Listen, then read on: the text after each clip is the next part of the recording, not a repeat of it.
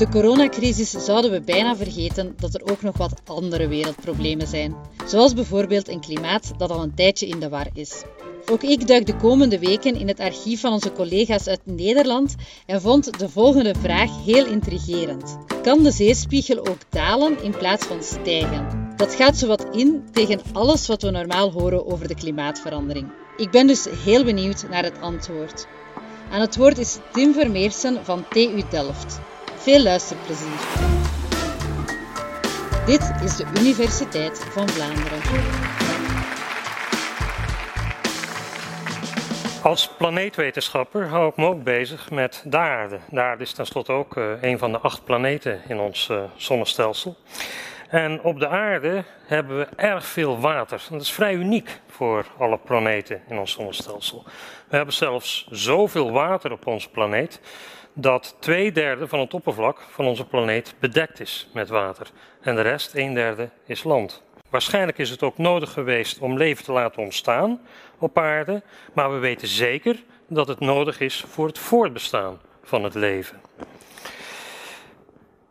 Alleen water kan ook gevaren in zich houden. En dat weten we in dit kleine kikkertandje heel erg goed. Kinderen leren we zwemmen, als ze niet, dat ze niet verdrinken natuurlijk.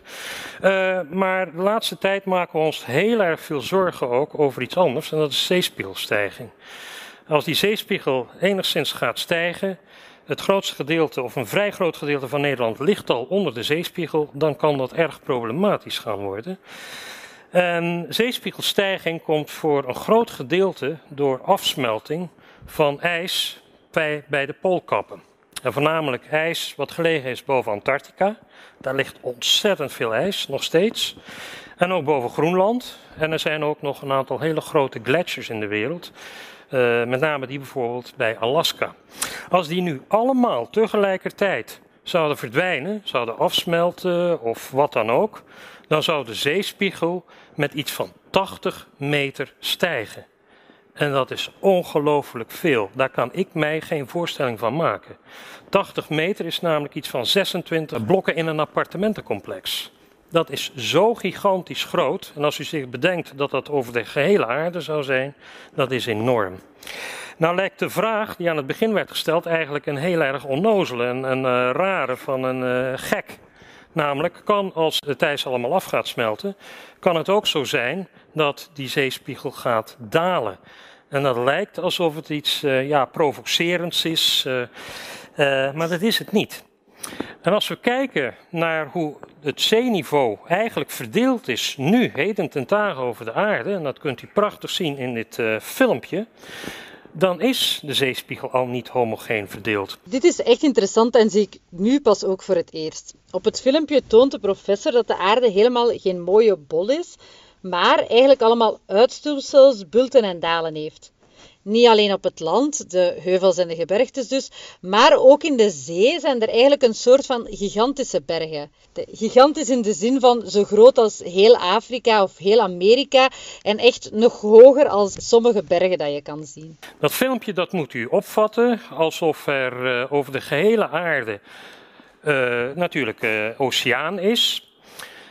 En de kleuren representeren hier, als het rood is, een zeespiegelverhoging van iets van 100 meter. En als het blauw is, dat ziet u heel mooi beneden India, een zeespiegelverlaging van iets van ook van 100 meter. En dat is zeer stabiel. Als u met een bootje zou varen van Australië naar India, dan zou u echt door een kuil heen varen van iets van 100 meter. En dat kunt u als u uh, uh, met zeilboot of met uh, anderszins wat op het water is een beetje de wereld rondtrekt, zou u dat zelf kunnen meten zelfs. Want dat kan je zien namelijk met een GPS-ontvangertje, met een TomTom. -tom. u heeft allemaal denk ik wel een route-navigatiesysteem in uw auto. En met uw route-navigatiesysteem kunt u heel precies de positie bepalen waar u bent bent u in een stad, in een bepaalde straat. Maar u kunt daar in principe ook mee bepalen hoe hoog u zit. En dat zou u kunnen gebruiken op een boot om ook na te gaan dat inderdaad de zee, de oceaan, bergen en dalen heeft. Nou, hoe komt dat nou? Waarom heeft die oceaan bergen en dalen? Waarom is dat niet gelijkmatig uniform verdeeld? Dat heeft in de eerste plaats te maken met dat in het inwendige van onze planeet de massa niet homogeen verdeeld is. We hebben een heel actieve planeet. Misschien wel de, actief, de actiefste planeet in ons zonnestelsel. We hebben platentectoniek, mantelconvectie in het inwendige. En dat veroorzaakt dat er massaverschillen gaan ontstaan. En het zijn juist die massaverschillen in onze planeet die ervoor zorgen dat het oceaanwater niet homogeen verdeeld is op onze planeet. Dat is wat betreft eh, de hedendaagse stabiele, min of meer uh, huidige uh, vorm van het oceaanoppervlak. Maar hoe zit het nou met zeespiegelstijging? Stel dat er heden ten dagen nogal wat ijs aan het afsmelten is op Groenland en op Antarctica.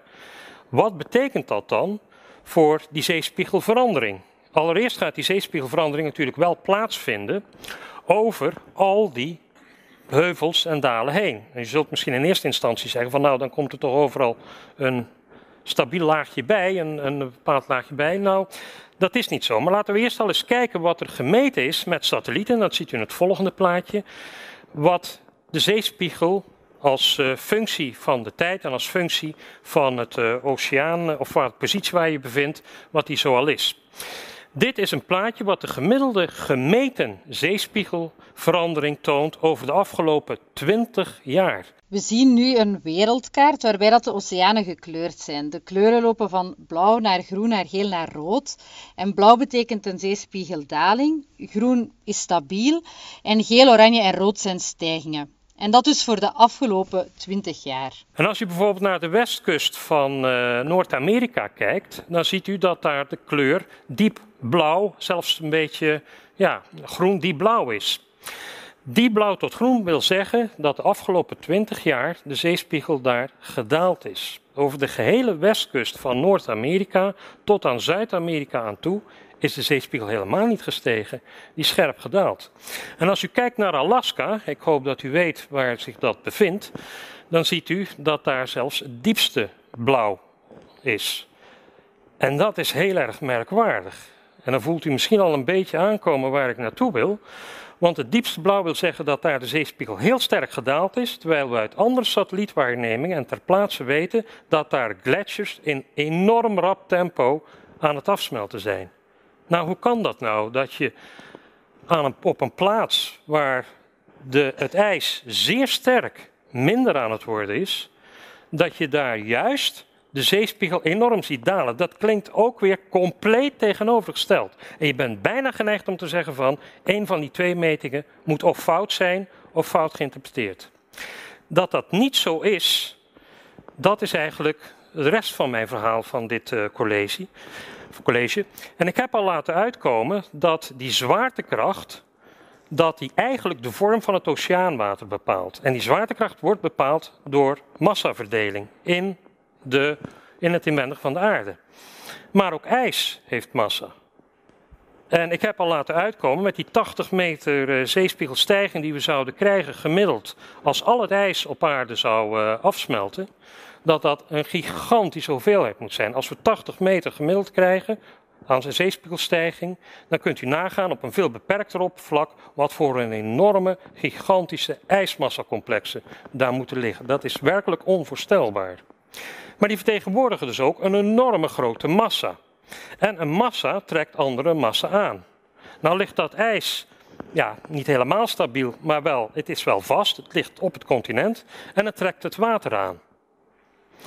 Nou kan ik dat heel erg moeilijk uh, hier uh, uh, met een experimentje kan ik dat laten zien. Tenminste als ik me beperk tot de zwaartekracht. Want de zwaartekracht is een verschrikkelijk kleine kracht. En die merk je alleen maar als je een gigantisch grote massa hebt. Dus ik word nauwelijks aangetrokken door de wanden hier, dat voel ik helemaal niet. Maar ik word wel aangetrokken door de aarde. De aarde is een gigantisch grote massa. Van 6 maal 10 tot de macht 24 kilo. En die trekt mij aan, die trekt u aan. En dan doet het er niet toe dat u en ik uh, vrij gering van massa zijn. Het gaat erom dat een van die beide massa's heel erg groot is. Dus ik kan dat niet aantonen hier met iets met zwaartekracht, maar ik kan het wel aantonen met een wat zwaardere kracht. Of een sterkere kracht moet ik eigenlijk zeggen. En dat is de magnetische kracht. En daar hebben we hier een klein opstellingje voor gemaakt. We zien een aquarium met daarin een laag van ongeveer 3 centimeter ijzerveilsel. En wat ik u ga laten zien is dat als je, dit is ijzervijlsel wat hierin zit, en u moet zich voorstellen, het komt eigenlijk wel mooi overeen, dat dit het uh, oceaanoppervlak is.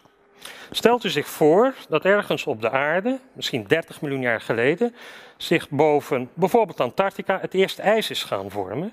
Dan moet u zich voorstellen dat deze magneet, dat dat het ijs is, wat zich begint te vormen. En dus een hele grote aantrekkingskracht heeft, omdat het een enorme massa is op dat uh, water. Oftewel, die magnetische kracht gaan we kijken wat hij met dat ijzervelsel doet. En ik weet niet of het helemaal goed uh, zichtbaar is, maar als ik die dicht bij het ijzervelsel haal, dan ziet u dat het ijzervelsel, en degene die voor zitten, die uh, hebben wat dit betreft de, het beste viewpoint, denk ik, dat het ijzervelsel naar de magneet wordt toegetrokken. De prof had een grote magneet die dus een ijsberg voorstelt tegen de wand van het aquarium. De magneet trekt ijzervijlsel aan en dat ijzervijlsel komt dus omhoog als een soort van berg. Als hij de magneet omhoog schuift, dus als de ijsberg nog groter is, komt er nog meer ijzervijlsel, dat dus eigenlijk zeewater voorstelt, ook meer omhoog. En als dat ijzervijlsel, als dat heel fijnmazig zou zijn, het is niet zo fijnmazig, dan zou je zien dat het een soort van paraboolvorm wordt. Eigenlijk is het een sinusvorm. En dat kunnen we ook met uh, uh, eenvoudige uh, wiskunde, kunnen we dat ook heel mooi kunnen we dat uitrekenen. Dat als je een zwaartekracht representeert door een ijsmassa, als je die ergens op gaat bouwen, dat de zeespiegel naar die ijsmassa toekruipt en daar dus hoger gaat staan dan het gemiddelde. En dan komen we al heel dicht bij het antwoord op de beginvraag. En dan wordt die beginvraag eigenlijk niet zo raar meer. Want als het nu zo is dat de verhoging van, die zeewater, van dat zeewater door de aantrekking van die ijsmassa, dat die hoger is dan het water wat je ontrokken hebt aan die zee, en dan is het natuurlijk regionaal, vlakbij die ijsmassa, dan zul je krijgen dat je inderdaad het omgekeerde effect krijgt. Namelijk dat als je een ijsmassa gaat opbouwen, dat alhoewel je water onttrekt aan de oceanen, dat dicht bij die ijsmassa de zeespiegel niet lager komt te staan door het onttrekken van het water, maar juist hoger. En omgekeerd geldt dat ook.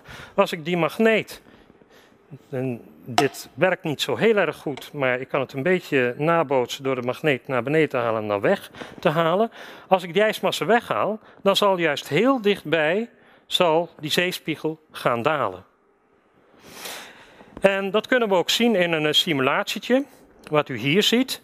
Dit is gewoonweg het zwaartekrachtseffect meegenomen bij een scenario waarbij Groenland afsmelt. En als geheel Groenland zou afsmelten, dan zou de gemiddelde zeespiegelstijging iets van 7 meter zijn. En dat heeft u de afgelopen jaren, afgelopen 10 jaar, ik heb het zelf veelvuldig gehoord in de media, hoort u dat ook. Als heel Groenland afsmelt, stijgt de zeespiegel met 7 meter aan de kusten van Nederland. Dat is dus niet waar. Het is veel minder. Het is, als u naar dit plaatje kijkt, is het slechts ongeveer een tweede of een derde van die hoeveelheid. Oftewel iets van 2 à 2,5 meter. Alleen al door dit zwaartekrachtseffect. Als u bij het noorden van Schotland woont, dan uh, krijgt u zelfs dat u daar helemaal geen zeespiegelverandering krijgt. Door afsmelten van Groenland. En woont u op IJsland, dan krijgt u het omgekeerde effect. Het rare effect dat hoe meer Groenlandsijs afsmelt, hoe meer de zeespiegel gaat dalen bij IJsland. Natuurlijk is het omgekeerde het geval voor Antarctica, aan de andere kant van de aarde. Dus Antarctica is voor ons veel gevaarlijker dan Groenland. Omdat we juist, je moet ook massabehoud hebben, hè, hoeveelheid ijs plus smeltwater moet constant zijn. En ergens als je minder smeltwater krijgt, dan moet het ergens meer smeltwater weer opleveren. Uh, als we dus gaan kijken naar Antarctica, dan zien we dus juist dat de zeespiegel uh, bij ons sterker zal gaan stijgen dan op basis van een evenredige herverdeling van dat smeltwater je zou verwachten. Dus het wordt een vrij gecompliceerd verhaal, alleen al met die zwaartekracht. Maar er is veel meer, en dan veel meer dan ik in dit college kan, uh, kan vertellen. Je hebt namelijk ook nog te maken met veranderingen van de rotatie van de aarde, die ook nog eens een keer een bijdrage leveren veranderingen van de rotatie van de aarde ten gevolge van ijsveranderingen, massaveranderingen, die ook nog eens een keer een invloed hebben op, uh, dat, uh, op die zeespiegel. Dus de conclusie van dit college is dat inderdaad het kan zo zijn, afhankelijk van waar je je bevindt, of je in Rotterdam bevindt, of in Valparaiso, of in Tokio, dat bij de kust waar jij je bevindt, dat de zeespiegel iets anders doet dan je op basis van het gemiddelde zal verwachten. En dat kan heel erg sterk afwijken. Dat kan erg sterk afwijken van het 3 mm per jaar gemiddelde wat we hebben. Dat kan 2 centimeter stijging zijn, maar het kan, zoals we dat aan de westkust van Amerika zagen, ook een daling zijn. Dit was de Universiteit van Vlaanderen Nederland-editie. Het was bijna een onmogelijke opgave trouwens om een selectie te maken, want zij hebben al meer dan 800 colleges gemaakt. Ben je dus uitgekeken of uitgeluisterd bij ons? Neem dan ook zeker een kijkje op hun podcast of YouTube-kanaal. En we kunnen het niet genoeg zeggen, vergeet niet te abonneren. Niet enkel bij onze Nederlandse collega's, maar ook op dit kanaal uiteraard.